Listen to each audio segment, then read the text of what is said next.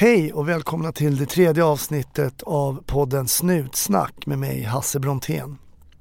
Idag gästas jag av polisen Ted Eriksson som eh, blev utsatt för en plötslig händelse som faktiskt kunde ha lett till döden. Var försiktiga där ute och ha en trevlig lyssning.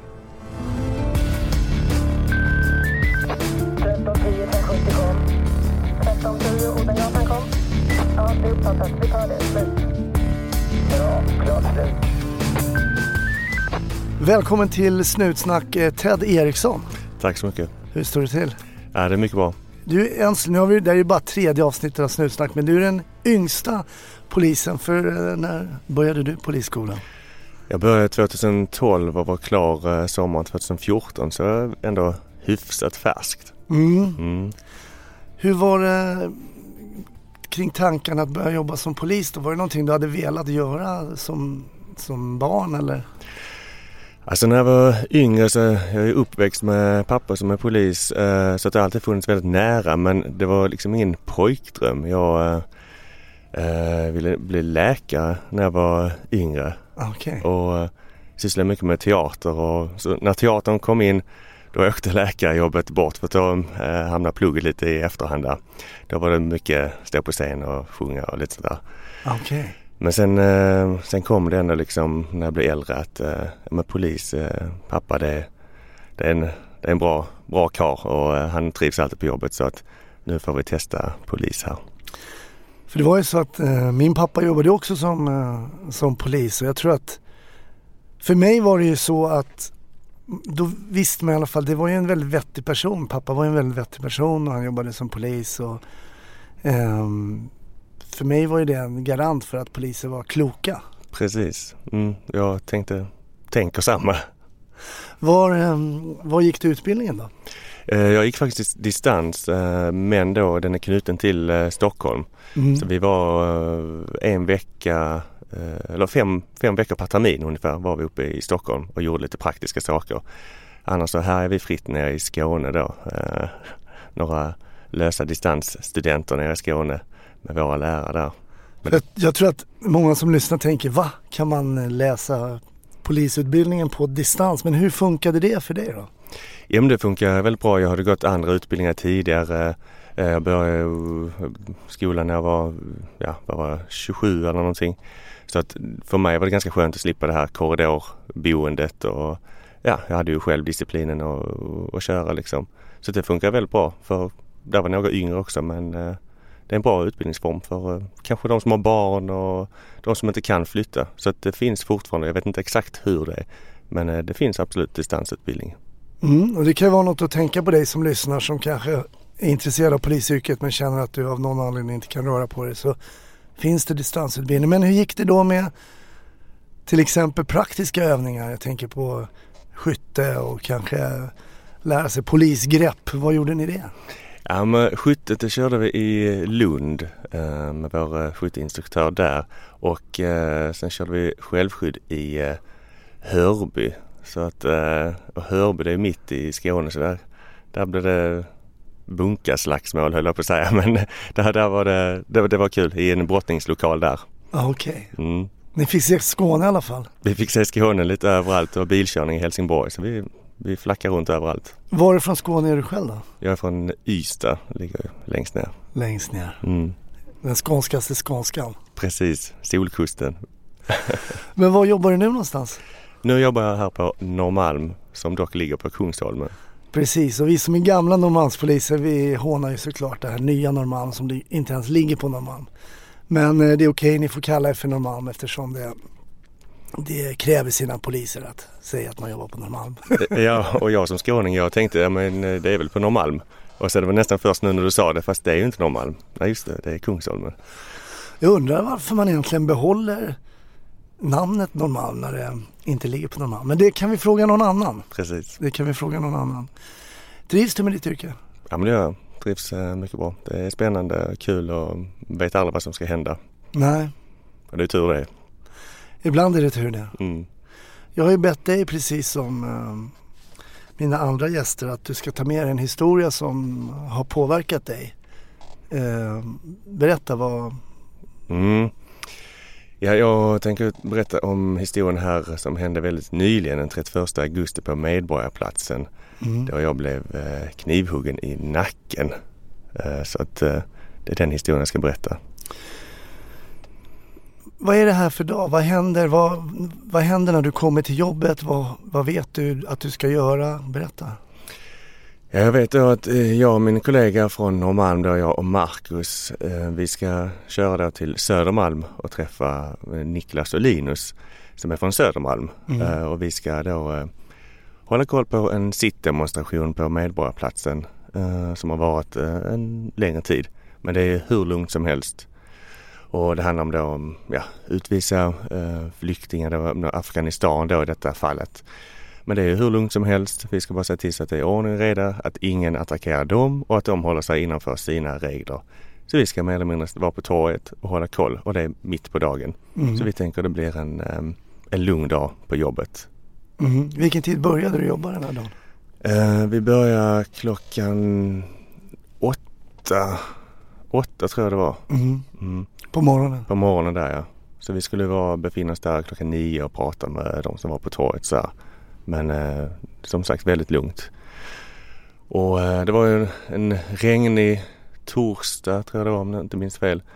Eh, och ehm, jag satt där i polisbilen då, jag och Marcus och um, skickade ett sms till min brorsa och en kompis som precis har börjat polisskolan här i Stockholm. Mm. Att jag sa, ja vi sitter här på Medborgarplatsen och vi ska bevaka den här demonstrationen. Men för mig var det ingen demonstration, det var bara ett antal personer som satt och var lite trötta på en trappa. Ja.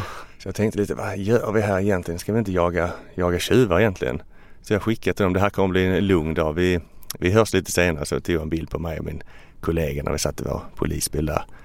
Men det blev ju inte så lugnt den dagen. Nej, vad händer?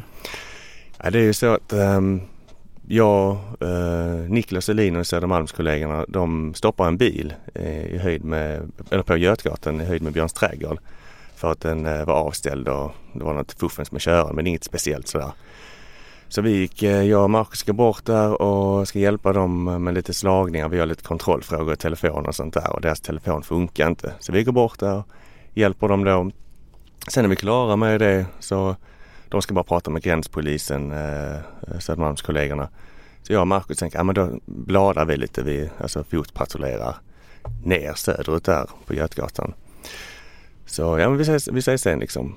Och vi eh, vänder på klacken, eh, går söderut då och efter en 20 meter, 30 kanske, så känner jag liksom någon extremt kraftig smäll i, på högersidan av nacken så jag stapplar fram. Och det gör ju extremt ont att tänka vad i sjutton var det där? Första tanken var Marcus, vad fasen gör du? Fast- Alltså som att din Som kollega att min- skämtade eller någonting? Precis, det var min absolut första tanke att, eh, att min kollega skämtade med mig för han var den enda som fanns i min absoluta eh, närhet. Mhm. Så det var, vi hade inte sett någon annan, vi hade, alltså det bara kom. Men precis alltså sekund, tusendelar efter så förstår vi att det är en tredje person inblandad också som figurerar med oss och med kniv i hand och Marcus han börjar skrika ju allt det där polisiära. Lägg dig ner, släpp kniven, jag skjuter. Och det blir liksom smått kaotiskt där och söderkollegorna hör ju vad som händer för de är ju bara 40 meter bort åt andra hållet. Just det. Men vad händer i ditt huvud här nu? Du hör att Marcus skriker, släpp kniven, ligg ner, alla de här polisiära grejerna som man har lärt sig. Var befinner du dig i dina tankar? Har du förstått vad som har hänt då? Eller? Alltså när jag stapplat ner då, då säger jag något i stil med att alltså när jag ser kniven där han tänker jag alltså han högg mig. Han, han högg mig fan i mig. Uh, säger jag liksom lite rakt ut.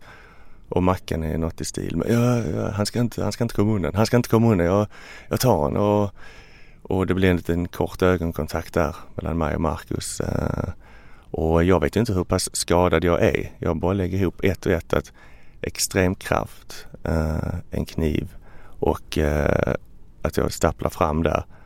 Jag vet inte riktigt om jag vågar röra mig. Det kanske börjar spruta blod ur halsen. Och, men jag vill inte sitta kvar.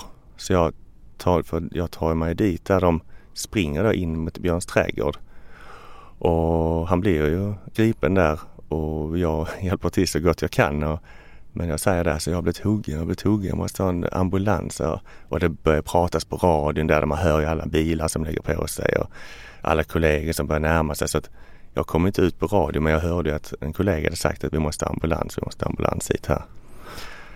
Så du förstod att en ambulans var på väg då? Ja, jag... Men hade du ont? Alltså det, vi, för, vi då precis vid träffen, då gjorde det fruktansvärt ont. Eh, sen så kom ju allt adrenalin och eh, jag var inte hundra procent säker på att jag verkligen blivit huggen förrän jag, när jag stoppade in handen in under skyddsvästen och liksom skjortan där. Mm. Eh, när jag ser liksom blodet då. Just det. Då eh, förstår jag verkligen liksom att det här är inte bra. Nej. Detta är inte bra. Och eh, då tänker jag liksom, alltså det här kan ju vara kört. Alltså nu ska jag, jag började jobba i Stockholm för ett år sedan. Ska det bara bli ett år, ska jag sitta här och dö här i Björns trädgård. Han du tänka så? Så ja, det var det jag tänkte när jag satte mig där på knä och mina kollegor hjälpte mig. Jag tänkte, och det är inte ens fint väder. tänkte. Tänkte du så? Jag tänkte alltså det här är ju, Ska jag dö när det regnar? ja detta är en riktig skitdag. Alltså det, det, det, detta är den sämsta dagen och, och i Björns trädgård, jag är till och med eh, Norrmalmspolis och inte ens det, jag jobbar på Kungsholmen.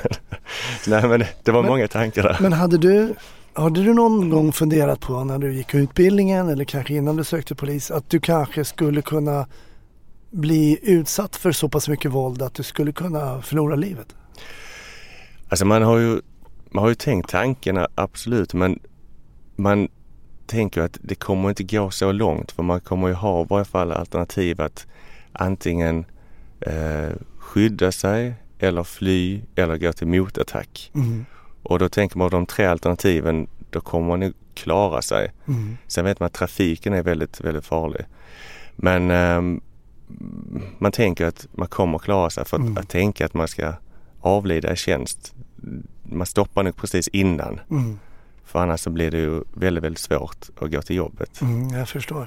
Men nu sitter du där, det är en taskig dag, du har blivit knivhuggen i nacken och du känner att jag kanske, det här kanske är det sista jag ser. Mm. Vad händer då? Ja, när uh, kollegan då eh, upptäcker det här också, då, blir det av med alla kläder för att stoppa blödningen då. Eh, och då tänker jag först liksom, nej sjutton också, där hade jag min telefon i, i, i fickan. Jag måste ju ringa, jag måste ju ringa liksom eh, pappa och brorsan och mina kompisar. Jag måste bara säga någonting att, eh, eh, att tack för det som har varit men det här går kanske åt skogen. Jag, jag vill bara liksom höra deras röst och att ändå Ja. att, eh, ja några sista ord liksom. Det var det jag tänkte. Det var så konstigt när eh, jag bara, nej, telefonen är borta. Alltså, Ja. Men ehm, sen gick de här tankarna över när jag, när jag kände att det här är nog ganska bra för min, min kollega började känna och klämma på mig överallt på hela överkroppen. Okej. Och han sa lite så jag ber om ursäkt här till att jag glömmer lite så här, jag måste bara känna så så att du är okej. Så jag bara, ja det, det är bra, det känns bra, det känns tryggt här för att han kände just att det inte finns andra skador på mig. Just det. Eh, och, och, då, och då började liksom den här tryggheten ändå komma. Det forsade in poliser och eh, jag tror det var Martinsson eller något, en polis kom där på cykel och bara slängde den. Han var sån områdespolis eller är eh, cykelpolis då och kom och var nog först på plats där och sen bara välde in kollegor och det känns väldigt tryggt. Jag tänkte visst det är en polisbrist men tänkte här var det ingen polisbrist på, på Medborgarplatsen idag. Ehm, och då kom liksom tryggheten och då blev den här rädslan för livet, det gick över mer i att, i att jag blev arg, att, att det har hänt Just mig och just även mina kollegor. Att ska inte vi kunna jobba på ett normalt sätt utan att vara oroliga för att vi ska bli påhoppade på detta viset? Men det hade inte hänt någonting innan då? Att, att ni hade inte träffat på den här personen innan när ni jobbade? Ni hade inte samtalat med den här personen? Nej, eh, inte alls. Vi hade inte träffat honom, eh, inte pratat med honom. Vi, en- som eh, från en blixt från en klar himmel. För ingenstans. Det, När kommer, hur länge dröjer det tills ambulansen kommer då? Och mm, hinner du sitta och tänka? Och vi, vi, som saknar du ambulansen så att säga? För det, kollegorna hjälper dig men nu vill du ha mer vård från vårdpersonal eller hur kände du? jo, men man, man väntar ju. Man satt där och kikade ut och tänkte när kommer ambulansen? Mm. Jag vet inte exakt men det, det tog nog en eh, fem, sex minuter. Alltså ibland kan det hamna i trafik och, och så här. Och um, kollegan då höll ju där, um, Niklas då, på, på axeln. Och sen så sa han, jag måste bara kika och se hur skadan ser ut. Så jag bara, ja gör det. Uh, och så hörde jag liksom att han tittade och sen hörde att han, uh, ja, uh, det ser uh, okej ut. Ambulans, var är ambulansen? Ja, ingen fara, det, det, det löser vi, det löser vi. Åh fan är ambulansen? Så att det var liksom, jag hörde ju att det, det var ganska Ja, Okej, han försökte lugna dig men Ja. du hörde på hans när han ropade att ja. det kanske inte var så bra ändå. Då. Nej, men sen i och med att han kände på mig så jag kunde ju röra axeln och så, så det kändes ändå under kontroll. Mm. Absolut. Mm. Och sen kom ambulansen och det kändes eh, skönt och insatsstyrkan kom förbi, om det var piketen nej, insatsstyrkan. Så satt jag redan på båren då så kom det fram någon stor stark insatspolis. Han bara hur, fan, hur är det med dig? Jag bara jo det är bra. Han tänkte vad ska jag nu göra? Så han, han hade en sån här mössa då. Så han bara satte en mössa på huvudet. Här har du så du inte fryser. Så men det, kändes, det var rätt roligt. Så jag vet jag stoppade ner den i, i benfickan. Tänkte ja, men det här ska jag spara som jag fick av eh, insatsstyrkepolisen. För, att det var en, för han tänkte ja, men så han inte fryser liksom. Så att han, han gjorde en, en bra grej där. Så att det var kul. Jag tänker på att du säger det tog 5-6 minuter för, eh, för ambulansen och då, vi är ju i Stockholm. Jag menar hade det här hänt då kanske på landsorten någonstans så pratar vi inte om 5-6 minuter utan då pratar vi om betydligt längre tid. Mm. Eh, blödde det ymnigt från det här såret eller kunde, det kunde inte du se det kanske eftersom det var i nacken men blödde du mycket eller? Det var ju när jag hade in handen här och tog ut handen. Då var det liksom som den här Ivanhoe-film. När de, svärdet har gått in i magen och så kommer liksom. Sen vet jag inte hur mycket, alltså det var ju, det var, handen var röd när jag tog ut den och det hade runnit lite längs axeln. Och eh, sen tryckte vi ju ganska direkt. Så att eh, det pumpar ju inte och det var ju Nej. tur det för då hade jag inte klarat mig. Nej. Så att jag hade ju en extrem tur då för att det gick ju igenom muskeln ner i en ryggkota så det blev fraktur i den och sen så petade hål på ryggmärgen så att alla som kan anatomi vet ju att det var ett extremt på håret där. Men beskrivningen då att få kallt stål i kroppen var mer som en smäll egentligen då? eller? Ja, eh, som ett jättekraftigt eh, slag. Man, eh, jag hörde ju en, liksom något sånt där zzzt, något, något konstigt ljud. Mhm. Um, men uh, det var liksom mer som en smäll. Jag, man har hört den där man pratar med folk som blivit knivhuggna och så här att de inte har märkt Mm, att de har mm. fått uh, uh, något värst föremål i sig. Så att ehm, ja, det känns märkligt men man, man, det blir mer som slag. Vet du vad det var för typ av kniv det här? Eh, jag vet ju vad det är för en men i och med att det här eh, fortfarande rättegång och så här så eh, Men De- vet du hur djupt det gick ungefär? Nej, det, det var ju in i, uppe här vid nacken och sen så in i den här översta brösttryckskotan så jag vet inte exakt men det återstår väl att se. Men det var, eh, det var eh, tillräckligt djupt för att vara allvarligt men eh, inte tillräckligt för att vara dödande. Nej. Så att eh, jag är glad att det inte var djupare. Sen kommer du in till sjukhuset och um, får du tag i telefonen och ringer pappa eller vad gör du? Ja, efter att jag fått vård av då av läkare och sjuksköterskorna och de stod där som sådana barbapappor och väntade liksom med sådana här. Så det var rätt eh, märkligt att se. Men eh, till slut när jag var ihopsydd och det var stabilt då fick jag ringa till, till min eh, pappa då. Och det kändes ju väldigt bra.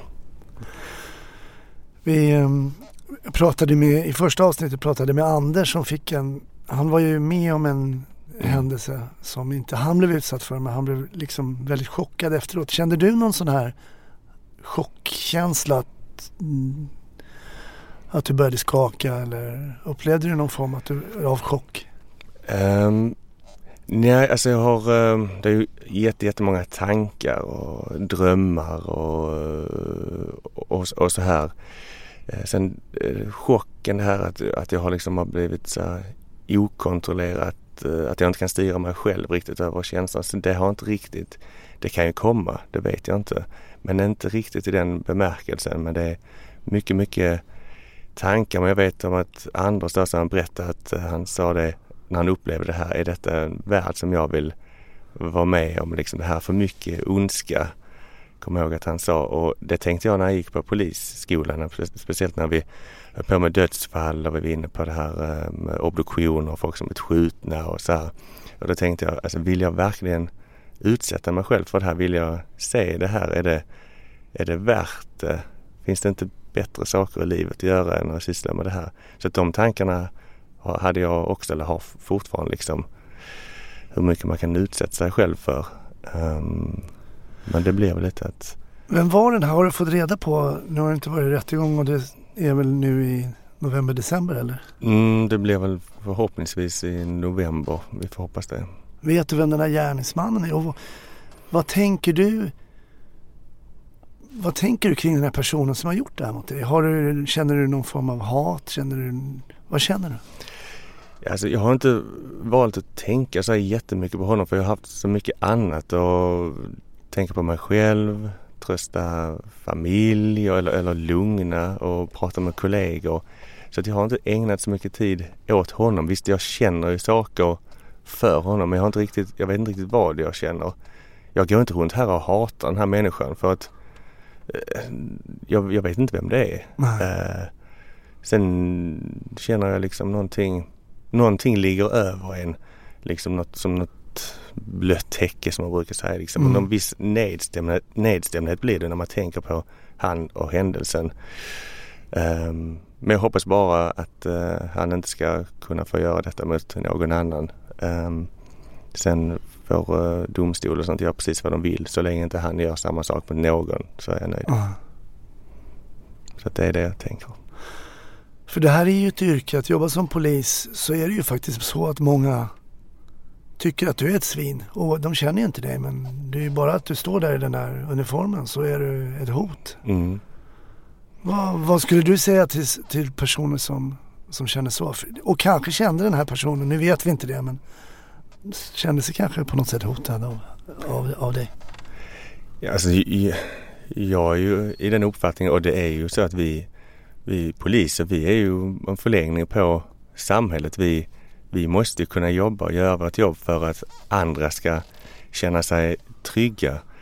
Och, och poliser, vi ska ju synas även när det inte har skett brott och, och, och vi ska liksom vara där som, som folkets storebröder eller storasystrar om man, om man kan säga så. Eh, någon som ändå kan lägga armen om oss här. Men när våldet eskalerar så blir det svårt för oss poliser också att lita på alla människor. Så, så det blir ju katastrof om inte människor litar på oss. Då kan inte vi lita på människor i sin tur. Så det är det vi får hjälpas åt tillsammans liksom. Så att man, man ska kunna gå fram och prata med en polis och fråga saker och få stöd och råd. Så hjälps vi åt och det är så det bör vara. Men hur kommer du att jobba i framtiden då nu? Hur kommer det här att påverka dig? Jag menar du har ju ändå blivit attackerad med kniv bakifrån. Jag menar hur lätt är det att gå till jobbet och veta att det kanske kommer en kniv när som helst i, i nacken? Ja just de tankarna där, där måste man ju tänka logiskt och realistiskt. Jag, jag tänker hela, hela tiden på att det kan ske. Men sen puttar jag bort det att nej, eh, sannolikt mässigt så kan det liksom inte ske. Att det blir träffad av blixten två gånger det är ju ytterst sällan. Men eh, visst har man ett annat förhållningssätt. Eh, även kollegorna också att man, eh, man väljer vad man, hur man visar ryggen och mm. hur man eh, ja, hur man blottar sig helt enkelt. Mm. Och det är viktigt. Man, man glömmer ibland bort det här säkerhetstänket. Det är ju väldigt viktigt när man går utbildningen att man, man ska tänka på sin säkerhet också men det blir också kanske mindre avslappnat när man rör sig bland människor och man hela tiden 100% alltid ska tänka på sin personliga säkerhet. Ja men det är ju det, är det här också. Som sagt vi vill ju vara också tillmötesgående mot, eh, mot eh, människor. Mm. Eh, och, och, vi vill liksom vi kan inte gå runt och vara helt stela hela tiden men det är det, det, det jag menar att det här våldet måste också minska mot oss. Eh, för då kan vi också trappa ner lite. Vi är mm. såklart på vår vakt men det kan ju vara kanske lagändringar också, det här med våld mot blåljuspersonal som man diskuterar och det Mm. hoppas jag verkligen att det kan. För det har ju eskalerat enormt. Eh, om jag jämför bara från när jag hade jobbat kanske tre år som dig. Att det, inte, det var inte på det sättet. Hur ofta eh, möts du av våld tycker du som polis i din dagliga tjänst? Alltså det, när det handlar om fylleri och helger och så här, då möts- möts man ju med våld eh, nästan hela tiden mer eller mindre. Sen gäller det för oss poliser också att, eh, att eh, minska det och snacka lite först också men ibland, ibland går det inte att prata med folk. Så är det ju. Sen som sagt, en, eh, vi behöver inte gå in på det men jag, jag lyckades ju, eller jag lyckades inte men det var en gärningsman bröt ju näsvingen på mig nere i Trelleborg när vid ett Ja. inbrott så jag fick en vinkelslip slängd i ansiktet. Men eh, det får vi nog ta i en annan podd men eh, så det kan gå, man måste vara på sin vakt hela tiden. Jag kommer min pappa sa det till mig, du får räkna med att du kommer åka på stryk sa. Ja. Och det stämde ju. Eh, och, eh, det tror jag de flesta poliser har fått sig en vinge. Eller sådär. Eh, och det kanske man har varit slarvig någon gång och inte riktigt varit, varit på sin vakt. Men det kan ju absolut hända. Är det några i, di- i din närhet som har sagt så här, men Ted, nu vill jag att du slutar, slutar jobba med det du jobbar. Nej det är faktiskt, det är ingen som har sagt det rakt ut. Det är det inte. Inte ens mamma. Mamma har väl kanske sagt det med andra ord. eh, inte att jag ska sluta men hon, det kanske finns andra saker att göra här i livet. Eh, men eh, hon stöttar mig också i eh, polisarbetet. Mm. Och hon vet också innerst inne att det är ytterst sällan man ändå råkar så här pass illa ut tack och lov. Mm. Riskerna finns ju såklart. Men ehm, så är det. Men nu är du tillbaka på jobbet. Nu är jag tillbaka på jobbet. Hur känns det då? Ja det känns jättekul. Och speciellt att träffa kollegorna för att det, det, det, är ju, en- det är ju en stor sammanhållning inom polisen och så måste det vara. När det händer sådana här saker då har vi ju varandra. Det, vi vet, det är bara vi som vet det, riktigt hur det är. Mm. Eh, och det är viktigt att vi stöttar varandra och det känner jag att jag har fått eh, 100 procent. Och då tycker jag det är kul att kunna visa upp mig också och att eh, ja det är lite klyschigt men tillsammans så är man stark liksom. Mm. Mm. Och det är en stor fördel framförallt om man jobbar i en stad där det finns lite poliser. Som du berättade att ni tryckte på larmknappen och sen så var det blått i hela Björns trädgård. Mm. Och det är såklart en trygghet att jobba i, i storstad. Eh, jag hoppas att jag kommer få möjligheten att prata med någon som inte jobbar i en storstad. Mm. För trycker man där på knappen då händer ingenting. Då kan man bara trycka och trycka och trycka och sen kommer det inga alls för man är den enda bilen de närmsta milen. Så är det. Så det är en klar fördel med att jobba i en storstad. Verkligen. Så kåranda för dig som man kan läsa om i tidningarna till exempel när man pratar om polisiär kåranda. Hur, vad tänker du på då om man säger kåranda?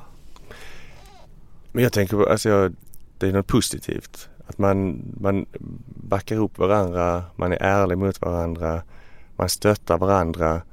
Och sen betyder det inte att vi håller varandra bakom ryggen. För vi eh, säger även till om det är någonting som blir fel.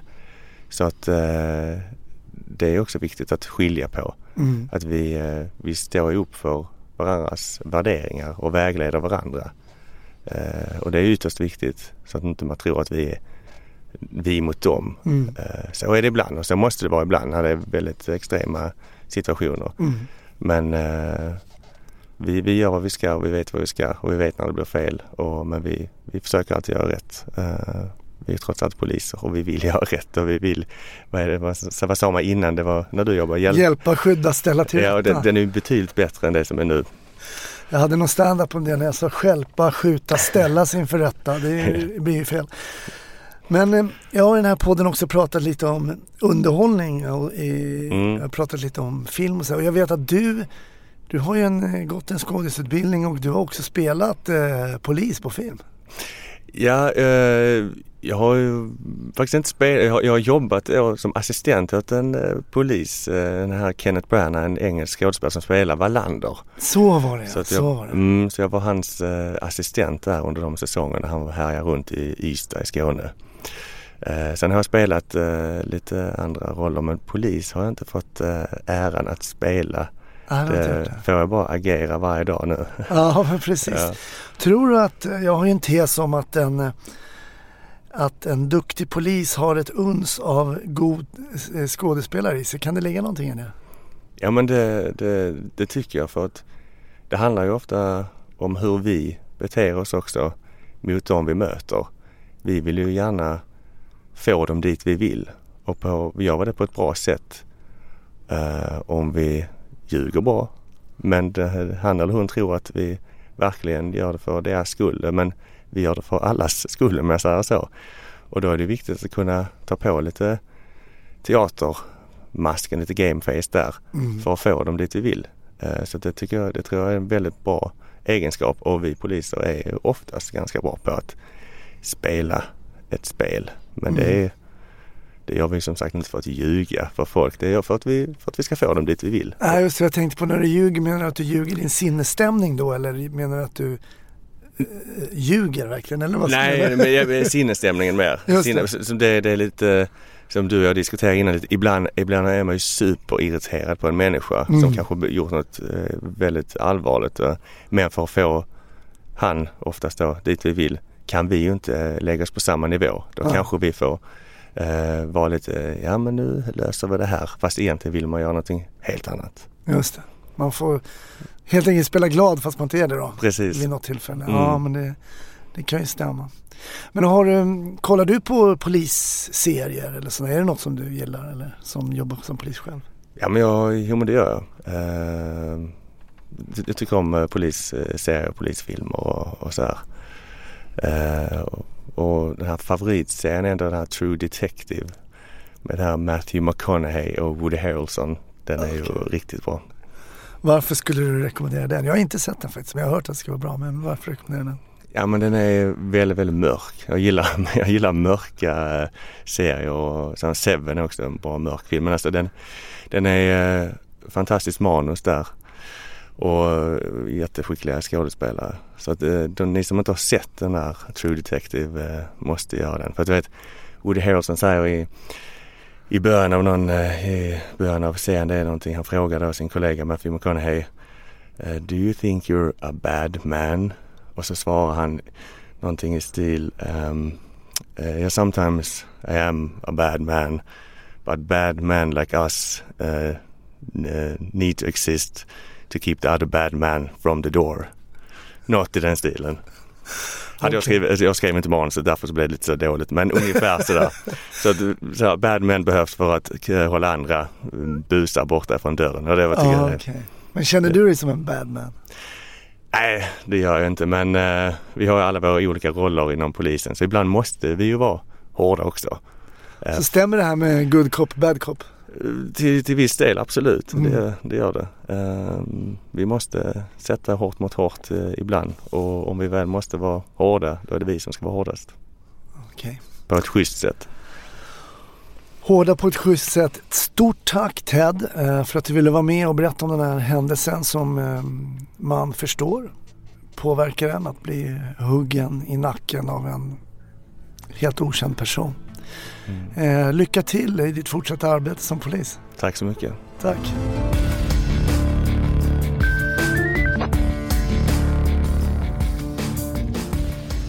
Tack för att du lyssnade på det här avsnittet av Snutsnack. Jag skulle vilja pusha för Snutsnacks Facebook-sida. Där kan du gå in och ge feedback, kritik, kanske komma med förslag på någon som du skulle vilja ha som gäst i podden. Jag heter Hasse Brontén. Mig hittar du på Instagram, Twitter men också på Facebook. Var försiktiga där ute och ha en bra dag.